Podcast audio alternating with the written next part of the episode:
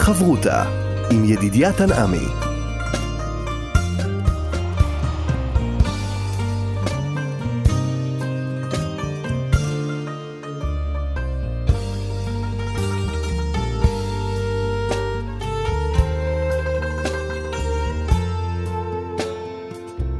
שלום, כאן מורשת חברותה, לימוד משותף עם רבנים ואנשי חינוך בנושא תנ"ך, הלכה ואמונה. הערב אנחנו לומדים תנ"ך יחד עם הרב דוקטור יוסף מרקוס, מרצה לתנ"ך ותורה שבעל פה ומרכז ימי העיון בתנ"ך במכללת הרצוג. כאן ליד המיקרופון, ידידיה תנעמי, שלום לך, כבוד הרב. שלום ידידיה. אנחנו בספר הושע פתחנו עם הנבואה הראשונה, עם ה... נבואה שמתארת את המציאות הקשה של עם ישראל, עד שהושע צריך לקחת ממש אישה זונה כדי להביא משל למציאות הקשה הזאת. ואולי קצת נלך לאחור וננסה להבין את הרקע של הנבואות של הושע, וננסה להבין מתי זה קרה, ובעצם על איזה חטאים הוא בא ומתמקד. כן, אז אה, באמת אה, פעם שעברה גם אה, נתנו רקע כללי לספר דברי הימים וקצת גם לספר הושע. אז התחלנו באמת עם הפרקים הראשונים, שלושת הפרקים הראשונים שמתארים את uh, הציווי היוצא דופן אולי, והוא אחד מהקשים ביותר שאי פעם כנראה נביא נצטווה, לקחת אשת זנונים. עכשיו אנחנו רוצים, uh, גם בפרק א', אבל גם בהמשך, מפרק ד' ואילך, כי ספר הושע באמת מתחלק לשני חלקים. יש את ה... את uh, סיפור uh, אשת הזנונים בפרק א', ב' וג', בפרקים הללו, ואז פרקים ד' ואילך, יש כבר נבואות uh, כביכול רגילות, זאת אומרת, לא מעשים סמליים, אלא uh, יש משלים כמובן וכולי, אבל זה לא uh, uh, הסיפור הרחב הזה של אשת זנונים והילדים שנולדים לה, כמו בפרק א', ב' וג', אז באמת מפרק ד' ואילך יש את הנבואות הרגילות כביכול. אה, ואנחנו רוצים לנסות לברר באמת מתי ועל מה בדיוק ניבא, התנבא אה, הושע. אה, אז עוד מעט נגיע לפרק ד', אבל נתחיל דווקא שוב עם פרק א', עם ההתחלה ממש של הספר. אז קודם כל, בכותרת של הספר אנחנו למדים על התקופה של הושע. דבר אדוני אשר היה אל הושע בן בארי בימי עוזיה, יותם, אחז, יחזקיה, מלכי יהודה, ובימי ירבעם בן יואש מלך ישראל. וכבר דיברנו על כך שא', אה, הושע מתנבא במקביל לנביאים אחרים, זה גם הזכרנו פעם שעברה, ארבעה נביאים התנבאו באותו הפרק, לפי אה, חז"ל, עמוס, אה, מיכה, הושע וישעיהו. עכשיו, הושע, כתוב כאן, מוזכרים כאן ארבעה מלכים מממלכת יהודה, בדיוק אותם ארבעה שמופיעים גם בספר ישעיהו, אבל מוזכר גם ירובעם בן יואש מלך ישראל. באמת הושע כפי שגם את זה הזכרנו, הוא דווקא נביא של ממלכת ישראל. אה, ובמובן הזה, ירובעם בן יואש הוא יותר חשוב לנו פה, אה, כי הוא מתנבא בתקופתו.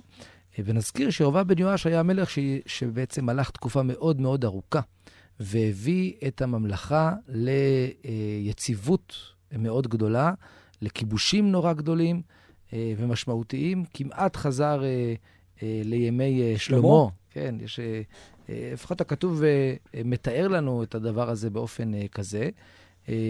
אבל מצד שני, באמת המציאות הרוחנית הייתה מאוד קשה. כי דווקא הריבוי והעושר גרם לפיתויים של אפילו עבודה זרה. גם עבודה זרה, וזה עוד רגע נדבר, אבל נכון, גם נהנתנות גדולה, כן, הכתוב בצד אחד אומר שם במלכים ב', פרק י"ד, אז הכתוב אומר שויעש הרע בעיני אדוני, לא שר מכל חטאות ירובעם בנבט אשר החטיא את ישראל. כן, מזכירים פה את ירובעם בנבט, כמו הרבה פעמים.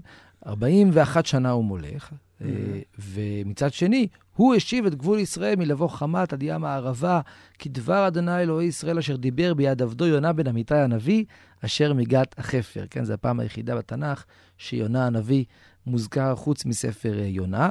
באמת יש פה איזושהי ניגודיות כזאת, שהכתוב מסביר אותה. כאילו, אם הוא מלך כזה רע, אז מדוע אה, הוא הצליח להשיב את גבול ישראל מלבוא חמת עד ים הערבה? אז הכתוב אומר, כי ראה אדוני את עוני ישראל מורה מאוד, ואפס עצור, ואפס עזוב, ואין עוזר לישראל. ולא דיבר אדוני למחות את שם ישראל מתחת השמיים, ויושיעם בעד ירבעם בן יואש. איזה שהוא רחמים כאלו של הקדוש ברוך הוא, שבאמת אה, הביאו לאיזושהי הצלחה. אבל הדבר הזה הוליד באמת בעיות קשות, וכפי שכתוב בכותרת, כאמור של ספר הושע, סביר והגיוני שאנחנו נמצא נבואות בספר הושע גם אה, מהתקופה של ירובעם אה, בן יואש. אבל בהחלט משמע אה, מהמשך נבואתיו של הושע, שהוא מתנבא גם בתקופה שאחרי ירובעם. ובואו נאמר עליה משהו. אה, מצד אחד, שוב, בכותרת מופיע רק ירובעם אה, אה, בן יואש. מצד שני, כתוב שהוא גם מלך, כפי שראינו, בתקופת אה, עוזיה, יותם, אחז וחזקיה. Mm-hmm. עכשיו, אה, ירובעם בן יואש לא הגיע עד ימי חזקיה. במקביל, בממלכת ישראל, אחרי ימי ירובעם, אנחנו פתאום מוצאים כמות גדולה של מלכים שמתחלפים, מי בעצם בנו של ירובעם זכריה, ואז יש מה, כל הזמן מהפכות, וכל הזמן מרידות ומלכים שבעצם מתחלפים עד גלות ממלכת, ממלכת שומרון בתקופת חזקיה. זאת אומרת, הכתוב אמנם ציין את המלך היחיד בממלכת ישראל שהושע אה, מתנבא בתקופתו, הכתוב ציין רק את ירובעם בן יואש, אבל בגלל שהכתוב גם מזכיר את המלכים המקבילים בספר, בממלכת יהודה, אנחנו יודעים שבעצם הושע כנראה התנבא עד ימי חזקיה. זאת אומרת שהוא התנבא גם בתקופת המלכים שבאו אחרי ירובעם בן יואש. לא הזכירו אותם בגלל שהזמן היה קצר. שהם היו קצרים, בדיוק. הם היו מלכים קטנים, ולכן לא הזכירו אותם. אבל הנתון הזה מאוד חשוב, כי הוא כנראה מסביר לנו גם כן הרבה מהנבואות בהמשך ספר הושע, שמתארות מצב של עדיין נהנתנות בעבודה זרה, אבל ממש לא ממלכה יציבה. כן, התפרקות, של הממלכה. התפרקות של הממלכה, בדיוק. אז לכן יש פה גם נבואות מתקופת ירובעם בן יואש, כשכפי שאמרנו, הרקע המדיני הוא רקע טוב וחזק, עבודה זרה לגמרי, אבל מאוד יציב בממלכה, וזה מביא לנהנתנות. אבל אנחנו גם מוצאים בהושע בהמשך נבואות שמשקפות איזושהי התפרקות חברתית מאוד קשה, שהדבר הזה ממש יכול להתאים דווקא לתקופה הבאה, לשנים שלאחר מכן, עד חורבן ממלכת אה, ישראל, שבאמת הממלכה, המלכים התחלפו כל הזמן, וממילא גם החברה התפרקה לחלוטין. כשמדברים על הנבואות של התוכחות, אה, האם כאן הכתובת היא בעיקר עם ישראל, או בעלי התפקידים, המנהיגים? המנהיגים. זו שאלה נורא מעניינת, ואנחנו נראה אותה עוד מעט בהמשך, גם בתוכחה שלו כלפי המנהיגים. אבל בואו נתחיל עם אולי הנבואה הראשונה, אה, הביקורת הראשונה, שאנחנו מוצאים בספר הושע, אה, ממש בהתחלה, אחרי הציווי לקחת אשת זנונים, אז כתוב כך בפרק א', פסוק ד', ויאמר אדוני אליו, קרא שמו ישראל, כן, הבן שצריך להיוולד מאותו, אה, מאותו, אה, מאותו אה, מעמד נישואין עם אותה אשת זנונים, הבן יקראו לו ישראל. למה? כי עוד מעט ופקדתי את דמי ישראל על בית יהוא, והשבתי ממלכות בית ישראל. ופה השאלה על מה מדובר. כן, יש פה איזשהו עונש שצריך להיות על בית יהוא, אני מזכיר שרובעם בן יואש, ואפילו הבן שלו, כמובן זכריה, הם כולם מבית יהוא, כן? יהוא, בעצם אה, היו לו חמש אה, דורות. אה, חמישה דורות של מלכים מזרעו, ונזכיר שיהוא הוא זה שבעצם נלחם בבית אחאב, והשמיד את הבעל. מישראל. הוא היה קרן אורה, מדברים נכון. על נדמה לי יונה בן אמיתי שנשלח אליו כדי שיעשה את התיקון. כן, לפי המדרשים, כן. כן. אז באמת אנחנו מוצאים אה, בכתוב בגדול שיהוא לכאורה היה מלך אה, טוב שעשה את דבר השם, כך אה, לכאורה מופיע בספר אה, מלכים, אבל פה פתאום אנחנו שומעים על איזשהו אה, עוון על בית יהוא, עוון שקשור לישראל. ושהנביא בעצם בא ואומר, פותח, ואומר שעוד מעט הוא יפקוד את דמי ישראל על בית יהוא. איזשהו דמי, דמי זה לכאורה רצח, דמים. כן, דמים שהתרחשו בישראל, ויהוא ייענש על הדבר הזה. השאלה, אה, בית יהוא ייענש, שזה לכאורה באמת ירובעם או, או בנו אה, זכריה. ופה השאלה באמת על מה מדובר. איזה דמים היו בישראל שיהוא אה, אשם בהם. אז מצאנו בעניין הזה, אפשר uh, לומר, uh, uh, שלוש גישות, אני חושב. בפרשנים, גם פרשנים בקלאסיים וגם פרשנים בני ימינו. כמה פרשנים, גם הרמב"ן על התורה בפרשת לך לך, כאשר הוא עוסק בפרעה, ולמה פרעה, יש שם קטע ארוך של הרמב"ן, שהוא סביב ברית בדבתרים, שהוא ככה מוצא לנכון לדון בשאלה העקרונית, למה פרעה נענש אם הוא נשלח מאת השם, כן? אם הקדוש ברוך הוא הרי מראש אמר לאברהם, גר יהיה זרעך בארץ לא להם, אז, אז כביכול פרעה מראש לא היה לו בחירה חופשית, כן? אז הרמב"ן נכנס לשאלה הזו, וגם לשאלה של אשור, או אשור mm-hmm. שבט אפי, אז למה הוא נענש? אז שם אומר, אומר שם הרמב"ן, שכלל עקרוני, ש... ואז הוא מזכיר גם את יהוא, והוא אומר, שמי שנשלח אה, מאת השם אה, לעשות אה, אה, עונש כלפי מישהו אחר בגלל חטאים מסוימים, אם הוא או זרעו חוזרים לאותו אה, עבירה, לאותה עבירה... זה יותר גרוע. זה יותר גרוע וזה נחשב רצח, מה שהם עשו לפני כן. וואו.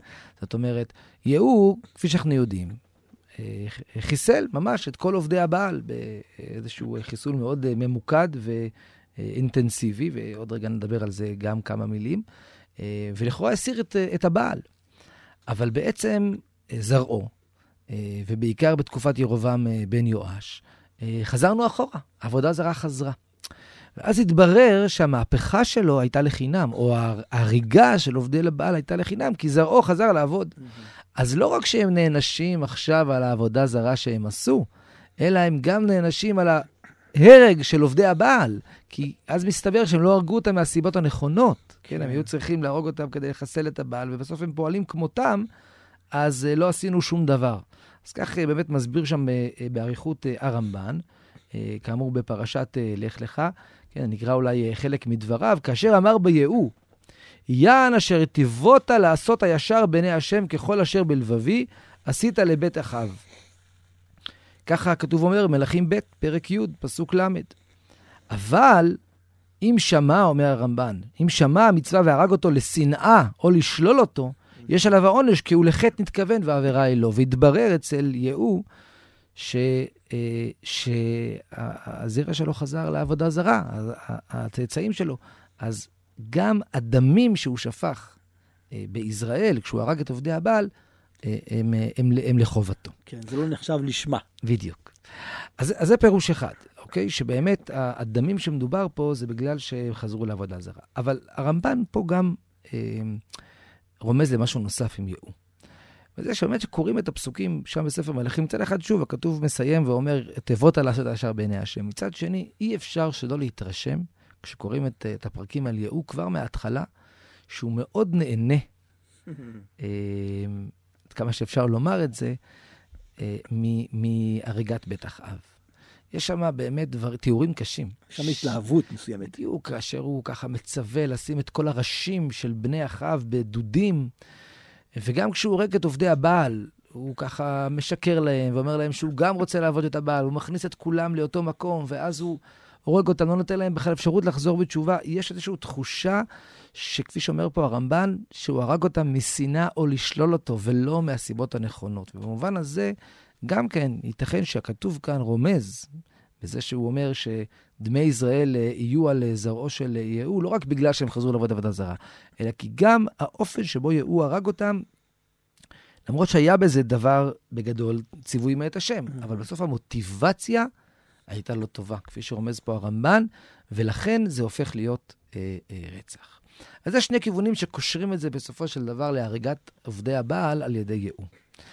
אבל רק אציין אה, הסבר שלישי אה, ששמעתי מהרב אה, מדן, שהוא מציע אה, לפרש פה את הפסוקים בתחילת הושע, אה, לא בקשר להריגת עובדי הבעל על ידי יהוא, אלא במשהו אחר לחלוטין, וזה במה שעשה אחאב לנבות הישראלי, נכון? הוא הרג אותו אה, שם בישראל. אז עכשיו, למה הוא לא מוזכר כאן? אז עכשיו, גם למה הוא לא מוזכר כאן, וגם מה הקשר בין אחאב לבין יהוא? אחאב זה בכלל השושלת הקודמת. Mm-hmm.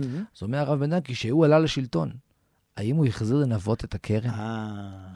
האם היה תיקון גם במובן הזה, או שהיה נוח לו, שמה שאחאב עשה, עשה, ואני אה, אזכה בפירות. והוא לא החזיר את הכרם. כן? ואולי גם מקרים דומים. ולכן הדמים ששפך אחאב... עדיין צועקים. צועקים ועולים גם לזכותו, לחובתו, סליחה, של אה, אה, יהוא. בסדר? אז זה אה, כמה הסברים אה, ל, אה, ממש לתחילת הספר, אה, אה, ולפסוקים פה שמתארים את העונש שיהיה על בית יהוא בגלל אותם דמים בישראל, או שזה דמי עובדי הבעל, מהסיבות שדיברנו, או שזה הדמים בכלל של נבות הישראלי.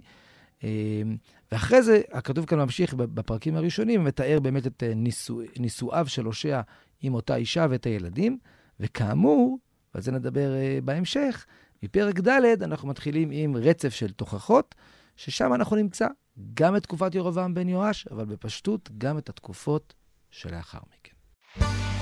חברותה עם ידידיה תנעמי. חברותה כאן במורשת, חברותה יחד עם הרב דוקטור יוסף מרקוס, ואנחנו עכשיו הולכים אל פרק ד', שזה בעצם הפתיחה של התוכחות של הנביא הושע אל העם. ואני אולי אשאל שאלה עקרונית, אנחנו רואים פה הרבה סוגים של חטאים, האם אפשר לסווג אותם, וגם, האם הוא גם מדבר על השורש של החטאים, ולא רק על החטאים עצמם? כן. אז באמת, בפרקים הקודמים, כשדובר שם על אשת הזנונים, אז uh, לכאורה הנמשל היה קשור לעבודה זרה. כן. לפחות גם לעבודה זרה, לעבודת הבעל. מה שלכאורה מראה שבאמת עם ישראל בתקופת אה, ירובעם בן יואש חזרו אחורה, כן, עם אה, אה, סבו, יהוא, אה, סבו זקנו, אה, הסיר את עבודת הבעל מהארץ, אז זרעו חזר לזה, וכבר דיברנו על זה מקודם, שלכן גם הם נענשו על, mm-hmm. על הריגת עובדי הבעל, כי הם בסוף גם כן חזרו להיות עובדי עבודה זרה. אז ודאי שיש עבודה זרה בתקופה הזאת, אבל פה באמת בפרק ד' אפשר לומר שהרשימת החטאים שמוזכרים כאן, לפחות אה, בהתחלה, הם בעיקר בין אדם לחברו, מה שאנחנו מכנים, כן? Mm-hmm. ככה לפחות אה, אה, בקריאה ראשונית, שימו דבר אדוני בני ישראל, כי ריב לאדוני עם יושבי הארץ, כן? הביטוי הזה פה הוא חשוב, עוד מעט נחזור עליו, עם יושבי הארץ. הרד"ק אומר, למה כתוב מדגיש יושבי הארץ? שיגיד עם עם ישראל. אז אומר הרד"ק, כי עם ישראל קיבל את הארץ בתנאי, והיה עם שמוע, תשמעו. כן, אז אתם יושבי הארץ, אתם לא יכולים להתנהג איך שאתם רוצים. יש פה תנאי לשבת בארץ. כי אין אמת ואין חסד ואין דעת אלוהים בארץ. עלו וכחש ורצוח וגנוב ונאוף פר, אה, פרצו ודמים בדמים נגעו. אז יש פה באמת תיאור, אה, בפסוק ב' נתחיל איתו ואז נחזור לפסוק א', של אה, שקרים ורציחות וגנבות ונאופים ורציחות, שוב, דמים בדמים נגעו. בקיצור, בן אדם למקום. שלושה אה, חטאים של עבודה זרה, שפיכות דמים. דמים ו... כן, כן אז, אז, אז עבודה זרה באמת היה בפרקים הראשונים, ועכשיו יותר השפיכות דמים כן. וגילוי עריות. אבל זה מתחיל, וזה מה ששאלת על השורש, בפסוק א'. לפני תיאור החטאים הספציפיים שראינו עכשיו, של השקר, והרציחה והגניבה והניאוף, אז הכתוב אומר, כי אין אמת ואין חסד, ואין דעת אלוהים בארץ. ונראה שהיחס בין פסוק א' לפסוק ב' זה באמת שורש ופרטים. כי, או... בדיוק, נכון. זאת אומרת, בגלל, כן, המילה כי אנחנו יודעים בתנ"ך, כן. יש לה כמה משמעויות, ארבע משמעויות, אבל באמת כאן, באמת זה נראה, כפי שאתה מציין, שבגלל שאין אמת ואין חסד ואין דעת אלוהים בארץ, לכן הגיעו כל שאר החטאים שמתוארים בפסוק אה, ב'. ואז באמת יש פה אה, שורש. והשורש הזה, אה, אפשר לומר, מתמקד באמת בשני דברים. אחד, באין אמת. ו... ולכן עלו וכחש, משקרים. כן. ומצד שני, גם אין דעת אלוהים בארץ. עכשיו, מה זה אין דעת אלוהים בארץ? אפשר מצד אחד לומר שבעצם כאשר עם ישראל אה, חוטא בכאלה חטאים, אז הוא לא יודע את השם, כן? זאת אומרת, שהחטאים שמתוארים בפסוק ב', הם בעצם ביטוי לאי-ידיעת השם. אוקיי, לא נובעים מידיעת השם, זה עוד רגע כן. נגיד, אלא אפשר להבין שזה הכוונה. מה זה לדעת את השם? לא רק לדעת את השמות שלו. לדעת את השם זה לדעת את המוסר שהוא דורש מאיתנו. זו אפשרות אחת לפרש. אבל בהחלט אפשר לפרש שבגלל שאין דעת אלוהים בארץ, דהיינו, אין יראת השם, ואין uh, חיפוש אחר השם, אז מגיעים כל החטאים. אז באמת הושע כן מציב פה איזושהי אמירה עקרונית שאומרת, בסופו של דבר, חברה שמאוד מאוד נגועה בחטאים של אדם לחברו, השורש של הדבר זה העובדה שאין להם מספיק ידיעת uh, אלוקים, אין דעת אלוהים בארץ. עכשיו, אנחנו יודעים אה, מנבואות רבות שגם ידיעת השם ברמה העקרונית, היא לא אה, אה, איזושהי אה, תעודת ביטוח כן. לכך שאנשים לא יחטאו. כן, זה אנחנו מכירים מכל, מכל מקור כמעט, בתנ"ך, בחז"ל, בספרי המוסר, אה, במציאות, לצערנו, כן? זה לא שאם אדם מגדיר את עצמו כעובד השם, אז זהו, הוא מחוסן, זה ברור שלא. אז זה לא תנאי מספיק, אבל זה תנאי הכרחי. כן. זה תנאי ראשוני. זאת אומרת, אם אין אלוהים בארץ, אם אין יראת השם, אז יש מישהו אחר שהוא אלוהים, וזה האדם. כן. זה מעניין, כי הדעת, זה גם ביטוי של חיבור, כמו ש... והאדם ידע את חווה.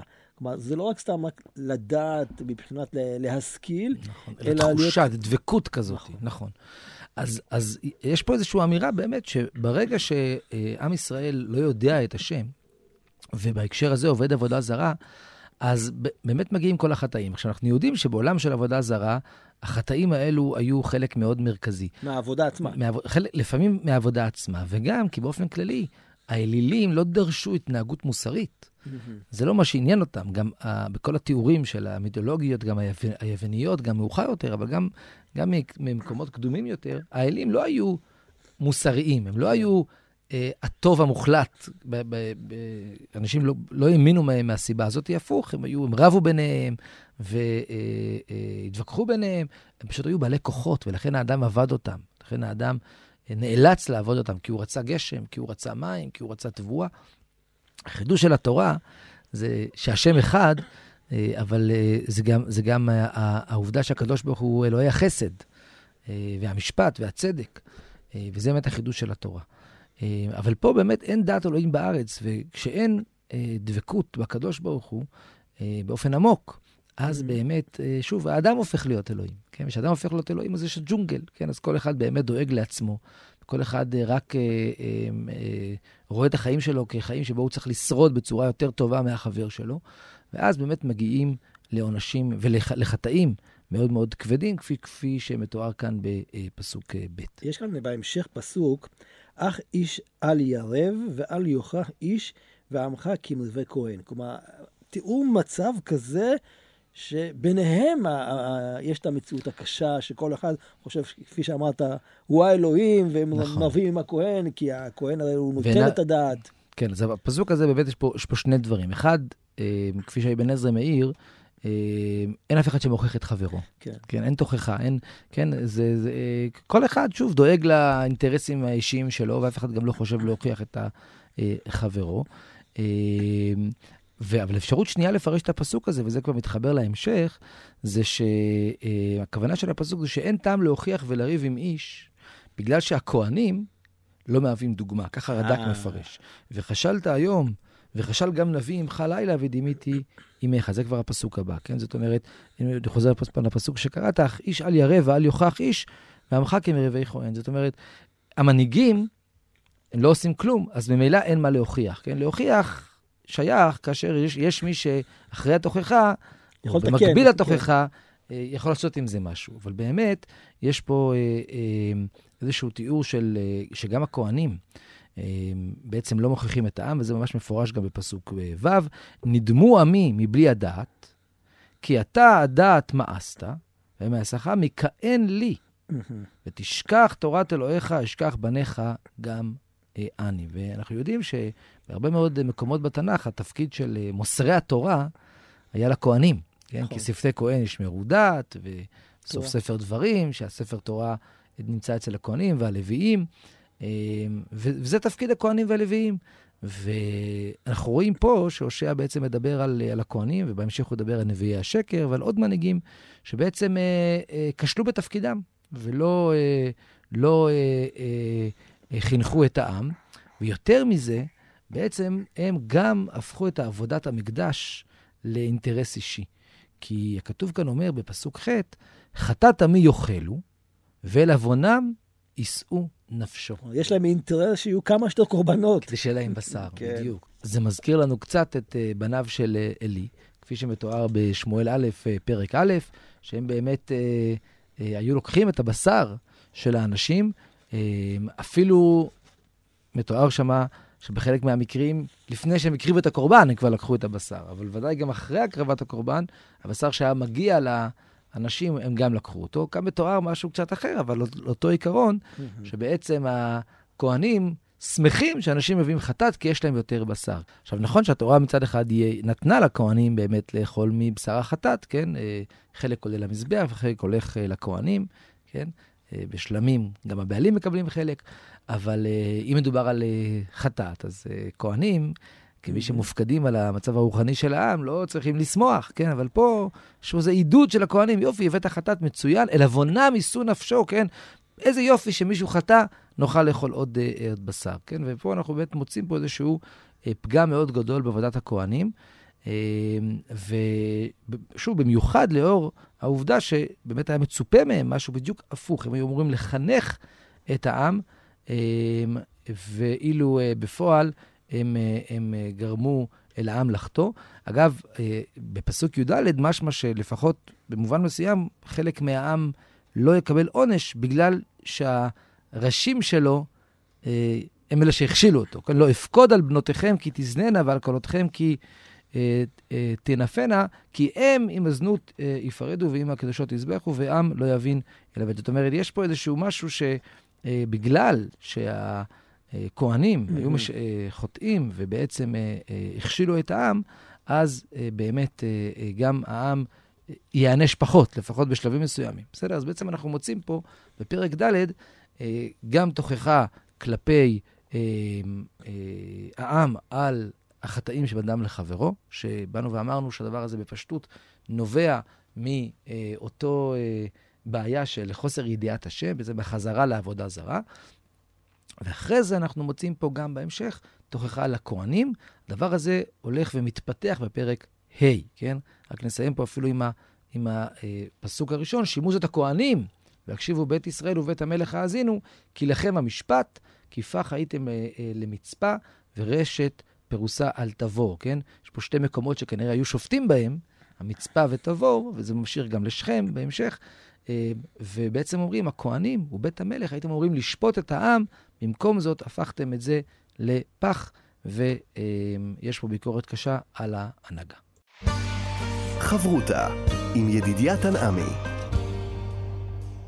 חברותה כאן אה, במורשת חברותה יחד עם הרב דוקטור יוסף אה, מרקוס, ודיברנו עד עכשיו על הכתובת הזאת, שזה העם וזה המנהיגים, ושאלנו בהתחלה, מי הכתובת הגדולה? האם הכתובת הגדולה זה הנביא שבעיקר מתנבא על ממלכת ישראל, או גם יהודה, כי אנחנו רואים בפרק ה' שהשם יהודה מופיע, נכון? כן, אז פתאום באמת בפרק ה' מופיע יהודה. מצד אחד, מאוד ברור מרוב הנבואות של הושע שהכתובת העיקרית היא ממלכת ישראל, והוא, mm-hmm. אה, אה, כפי שגם מופיע בכותרת של הספר, כן? אמנם הוזכרו שם גם מלכי יהודה, אבל באמת מה שמיוחד בהושע זה שהוא נביא בממלכת ישראל, לעומת לדוגמה חיז... אה, ישעיהו בתקופתו שהוא בממלכת אה, יהודה. Mm-hmm. אבל פה באמת פתאום אנחנו מוצאים מתוך הדיבור על ממלכת ישראל גם איזשהו תחילת דיבור על ממלכת יהודה, וזה יהיה גם קצת בפרקים הבאים. זאת אומרת, אנחנו מוצאים את זה בפרק ה' וגם קצת אה, אה, בהמשך. אז פה, תוך כדי הנבואות, פתאום יש אזכור של יהודה. הפעם הראשונה זה מוזכר ככה. יש פה איזושהי אזהרה לתקוע בכל מיני ערים בממלכת ישראל, תקעו בשופר, פרק, אה, פסוק ח' בפרק ה', תקעו בשופר בגבעה, חצוצרה ברמה, הריעו בית אבן, אחריך בנימין. כן, כל מיני ערים פה בממלכת, mm-hmm. בגבול בנימין ואפרים, שצריך uh, לתקוע בחצוצרה או בשופר ולהריע בית אבן, בית אבן זה כינוי לבית אל, אחרי שהוא הפך להיות מקום של עבודה זרה. Uh, צריך להזהיר. למה? אפרים לשמה תהיה ביום תוכחה. בשבטי ישראל הודעתי נאמנה. ואז הנה פתאום מוזכרים יהודה. היו שרי יהודה כמשיגי גבול, עליהם אשפוך כמים עברתי. עכשיו, יש פה, אה, הביטוי הזה כמשיגי גבול, מה, מה כוונתו? אז יש מסבירים שיש פה בעצם אה, מלחמת אחים. מלחמת, מלחמה בין, בין הממלכות, אה, וזה מה שכתוב אה, רומז פה, זה שאפרים צריכים להיזהר, כי שרי יהודה משיגים את הגבול, כן? אבל יש מסבירים, וזה יותר הכיוון בפרשנים הקלאסיים, שהכתוב כאילו אומר, יהודה לא היה צריך להתקלקל, הוא משיג גבול בחטאים. כלומר, הוא בעצם אומרת, נכנס לגבול של הרשעה. בדיוק, כפי שאומר אבן עזרא, כמשיגי גבול בסתר, על כן הענישם. זאת אומרת, הם חוטאים כמו, כמו אנשי ישראל, ובעצם יש פה באמת איזושהי ביקורת על הדבר הזה. זאת אומרת, הושע ניסה להזהיר את יהודה, לפחות אתם, לא, אל תיכנסו לסיפור הזה, כן? אבל uh, בסוף גם ממלכת uh, יהודה כשלה, כפי שגם מופיע עוד uh, לפני כן בפסוק ה', והנהג הון ישראל בפניו, וישראל ואפרים ייכשלו בעוונם, mm-hmm. כשל גם יהודה uh, עמם. Uh, והדבר uh, הזה באמת uh, מופיע כאן גם uh, uh, בהקשרים uh, נוספים, גם כאשר הוא לא רק מתאר את העונש, אלא גם מתאר את התוכחה, כי לדוגמה בפסוק י"ג, אה, הכתוב מתאר שאפרים אה, ראה את חוליו, ויהודה ראה את מזורו, זאת אומרת, שניהם ראו בעצם mm-hmm. את הקשיים שלהם, ושניהם עשו אותו חטא. וילך אפרים אל אשור, וישלח אל מלך ירב, והוא לא יכול לרפוא לכם ולא יגאה מכם אה, מזור. זאת אומרת, מדובר פה על אפרים, אבל מוזכר גם יהודה. שניהם עושים אותה טעות כשהם, יש עליהם אה, אה, מתח אה, מדיני, הם פונים לאשור. כלומר, יש כאן ביקורת לא רק על חטאים של בן אדם לחברו, ולא כלפי הקדוש ברוך הוא, אלא משהו יותר מדיני כזה נכון. שקשור לקדוש ברוך הוא. אבל מצאנו אותו בהרחבה מאוד בספר ישעיהו. ישעיהו נכון. כל הזמן מבקר גם את הרצון לפנות לאשור, אבל גם את הרצון לפנות למצרים. וזה מצאנו באמת הרבה בנבואות, וזה כאמור רמוז גם פה, וכנראה מדובר על אותו דבר. אה, ועכשיו, לגבי אה, יהודה, אנחנו באמת יודעים שהם פנו לאשור בתקופת אחז, כפי שמסופר בספר מלכים, ובהרחבה יותר בפרק, בספר ישעיהו, בפרקים אה, ח' וט', שכאשר אה, ממלכת ישראל וארם עלו על יהודה, אז אחז פנה לאשור וביקש ממנו בעצם שיגן עליו, וישעיהו שם ניסה למנוע ממנו את זה. פה אנחנו למדים שגם ממלכת ישראל, באחת מהתקופות, פנו לאשור אה, בבקשה אה, בעצם אה, לעזרה. והכתוב אומר, אתם חושבים שזה יעזור לכם, אבל זה לא יעזור לכם כלום. עכשיו, בואו צריך להקדיש כמה מילים באמת לעניין הזה, שקראת עליו מדיני, זה נכון, אבל בסוף יש בזה משהו מאוד מאוד רוחני. כאשר אשור עולים ככה בתקופה הזאת והופכים להיות אימפריה, אז הרצון העקרוני שלהם זה לא לשעבד את האנשים מבחינה רוחנית, זה לא מעניין אותם, הם רוצים כסף. תשלם מיסים, הכל יהיה בסדר. אמ, אבל אם אתה מבקש טובה אישית, אז גם אתה נדרש ליותר. אז אם לדוגמה אחז, אה, שוב, בתקופה הזאת, מבקש מאשור שיעזרו לו מפני ארם וישראל שעולים עליו, אז זה כבר לא רק לשלם מיסים, הוא צריך גם לתת משהו יותר, כן? עשית, עשיתי לך טובה, mm-hmm. אשור אומר, אז אתה צריך לשלם. והתשלום מגיע בדמות בניית המזבח האשורי בירושלים. זאת אומרת, כשאתה ממש לא רק משלם מיסים, או נקרא לזה קנייה פסיבית, אלא אתה ממש uh, הופך להיות בן ברית של אשור, בן ברית חלש. מדינת בת. אז בדיוק, אז אתה גם משתעבד רוחנית. ובמובן uh, הזה, uh, גם הושע וגם ישעיהו, כאשר הם אומרים, אל תפנו לאשור, הסיבה העיקרית היא, כי ברגע שאתה רואה את אשור כמי שמושיע אותך, אז אתה, אז אתה גם משתעבד לאלילי אשור. התוצאה הרוחנית. נכון, ו... גם כאשר ישעיהו אומר לחזקיהו, כשהוא מורד באשור, והוא מתנגד למרד הזה, ואחד מהסיבות זה כי אי אפשר למרוד באשור mm. בלי לבקש עזרה ממצרים, וזה מה שקורה. אז בעצם הוא אומר לו, מה הועלת? אתה רוצה לא לשלם מיסים לאשור, אתה רוצה להיות עצמאי. אבל זה לא נכון, כי אתה ביקשת עזרה אקטיבית, ביקשת עזרה ממצרים, אז בעצם מצרים, עכשיו אתה חייב להם, והחיוב הזה בא לידי ביטוי ואיזושהי השתעבדות רוחנית, והקדוש ברוך הוא יוצא קצת מהסיפור. זאת אומרת, מעבר לחטאים האישיים של האנשים, בין אם זה עובדי עבודה זרה, בין אם זה בן אדם למקום, הושע גם הוכיח את הממלכה על ההתנהלות הממלכתית. וזה כאמור ממש מקביל לדברים שמצאנו גם בספר ישעיהו. אה, בעצם הפנייה לאשור, ההשתעבדות לאשור, הרצון שאשור או מצרים, שוב, יעזרו, והדבר הזה הוא בעצם אה, מאבק רוחני, כי זה או אשור או הקדוש ברוך הוא, או מצרים או הקדוש ברוך הוא. ברגע שאתה רואה את מצרים, האימפריה הגדולה, mm-hmm. עוזרת לך, אז בעצם אתה אומר, זה הביטחון בעולם, כן? והנביא אומר להם, זה לא יעזור לכם. אתם חושבים שהם ירפאו אתכם, אבל זו תרופה גרועה. זה לא באמת יכול לרפות אתכם. מבחינה ריאלית, מה שהוא מבקש זה לחכות או להיות פסיביים קצת, כן? לא, אה, זה לא רק נבואה שאומרת, אל תפנו לאשור ויהיה נס. לא, אל תפנו לאשור, ואי הפנייה לאשור היא בעצם אומרת, תמשיכו לשלם מיסים, זה כן, זה השתעבדות פסיבית, אבל אל תפנו מיוזמתכם, תבקשו מהם טובות אה, אישיות לממלכה, כי שוב, אתם בעצם בוטחים בהם במקום לפתוח אה, בקדוש ברוך הוא. וכאן יש באמת הקשבה, כי נראה לכאורה שהעם אה, מנסה לחזור בתשובה, אלך, אשובה אל מקומי, וכולי וכולי. כן, אז הרצף הנבואות הללו כאן בפרק ד' וה', עם הסוגים השונים של החטאים, אה, מביא את הקדוש ברוך הוא לומר, הנביא אומר בשמו של הקדוש ברוך הוא בסוף פרק ה', אלך אשובה אל מקומי. עד אשר יאשמו וביקשו פניי, בצר להם ישחרוני. זאת אומרת, אני עוזב אתכם. מחכה, ממתין. אני שוב על מקומי, לכאורה הכוונה ש... עלה למעלה? לשמיים, למעלה. דיברנו, דיברנו גם על זה בעבר כן. קצת, נכון? ש... בספר יחזקאל. כן, כאשר.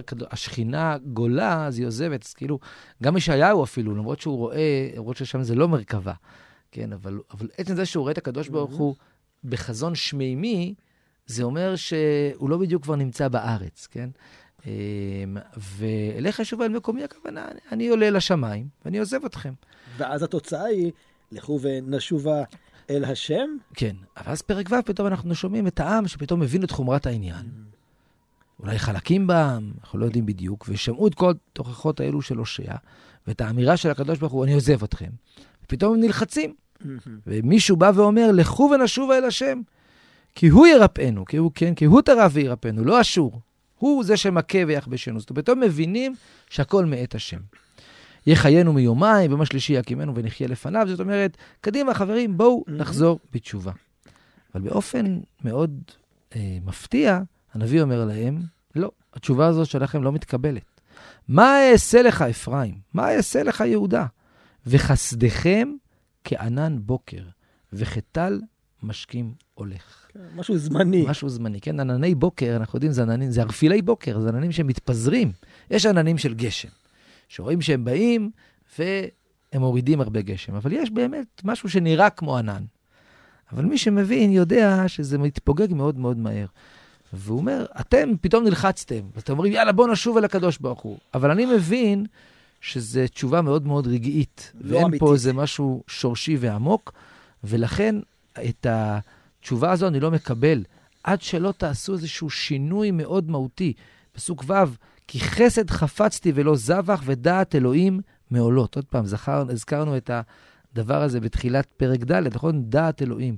זאת אומרת, הם רוצים לחזור בתשובה, כנראה שזה בא לידי ביטוי, אולי באיזשהו הגעה למקדש, הקרבת קורבנות. והוא אומר להם, אבל זה לא מועיל, כי הקדוש ברוך הוא רוצה בראש ובראשונה את החסד ואת דעת האלוהים. אה, בדיוק כמו פסוק א', אין אמת ואין חסד ואין דעת אלוהים בארץ. אז גם פה, כי חסד חפצתי ולא זבח, ודעת אלוהים מעולות. ואנחנו מכירים נבואות דומות גם בישעיהו, שפרק א' ומקומות אחרים, שיש ביקורת על הבאת קורבנות כאשר זה לא מלווה בתיקון פנימי. אין צורך לקרוא את זה כאמירה עקרונית, שאולי אה, כמו שהרמב"ם קצת אומר, שבמורה נבוכים שקורבנות זה דבר בדיעבד, אין צורך בכך. הכוונה היא שבסוף בסולם הערכים, הדבר הראשון שצריך זה את החסד ודעת אלוהים. ואחרי זה גם יכולים לבוא הזבח והעולות. אבל אם אין חסד ואין דעת אלוהים, אז הקדוש ברוך הוא לא חפץ אה, בזבחים. ולכן הוא גם לא מקבל פה את התשובה הזאת שיש פה באמצע הסיפור, אה, כי באמת זה איזושהי בהלה כזאת. אבל אה, עדיין לא נראה שהעם מוכן לעשות איזשהו, אה, איזשהו אה, תהליך ותיקון אה, מאוד אה, רציני, ולכן אה, התשובה נדחית. עכשיו באמת, מיד לאחר מכן, לאחד, לאחר האמירה הזו, כי חפץ, חפ, חסד חפצתי ולא זבח ודעת אלוהים מעולות, מופיעים, אה, מופיעה רשימה של החטאים. והמה כאדם עברו ברית, שם בגדו בי, אז זה גם אה, הבגידה בקדוש ברוך הוא ב- בברית, אבל גם זה אה, הרצח. גלעד, קריית פועלי אבן, עקובה מדם. יש בהמשך את הכוהנים, שגם הם אה, רוצחים, והם גם אה, עושים אה, זימה בכל מיני דרכים. כן, בבית ישראל ראיתי שערורייה, כן, אנחנו מכירים את המילה הזאת.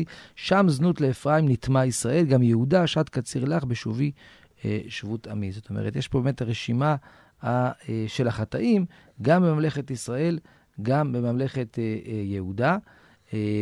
הפסוק הזה פה, גם יהודה שעת קציר לך, בשובי שבות עמי.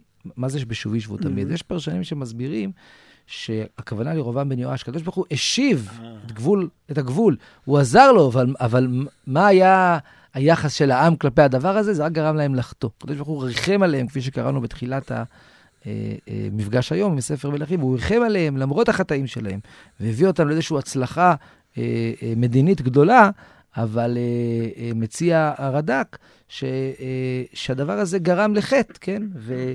אה, אתם, אני, אני השבתי אתכם וציפיתי וקיוויתי שזה יעזור לכם גם להתקרב אליי, אבל בסוף התברר אה, בדיוק אה, אה, להפך. תודה רבה לך, הרב אה, דוקטור יוסף אה, מרקוס, מרצה לתנ"ך ותורה שבעל פה, הוא מרכז ימי העיון במכללת הרצוג. תודה רבה ידידיה, להתראות.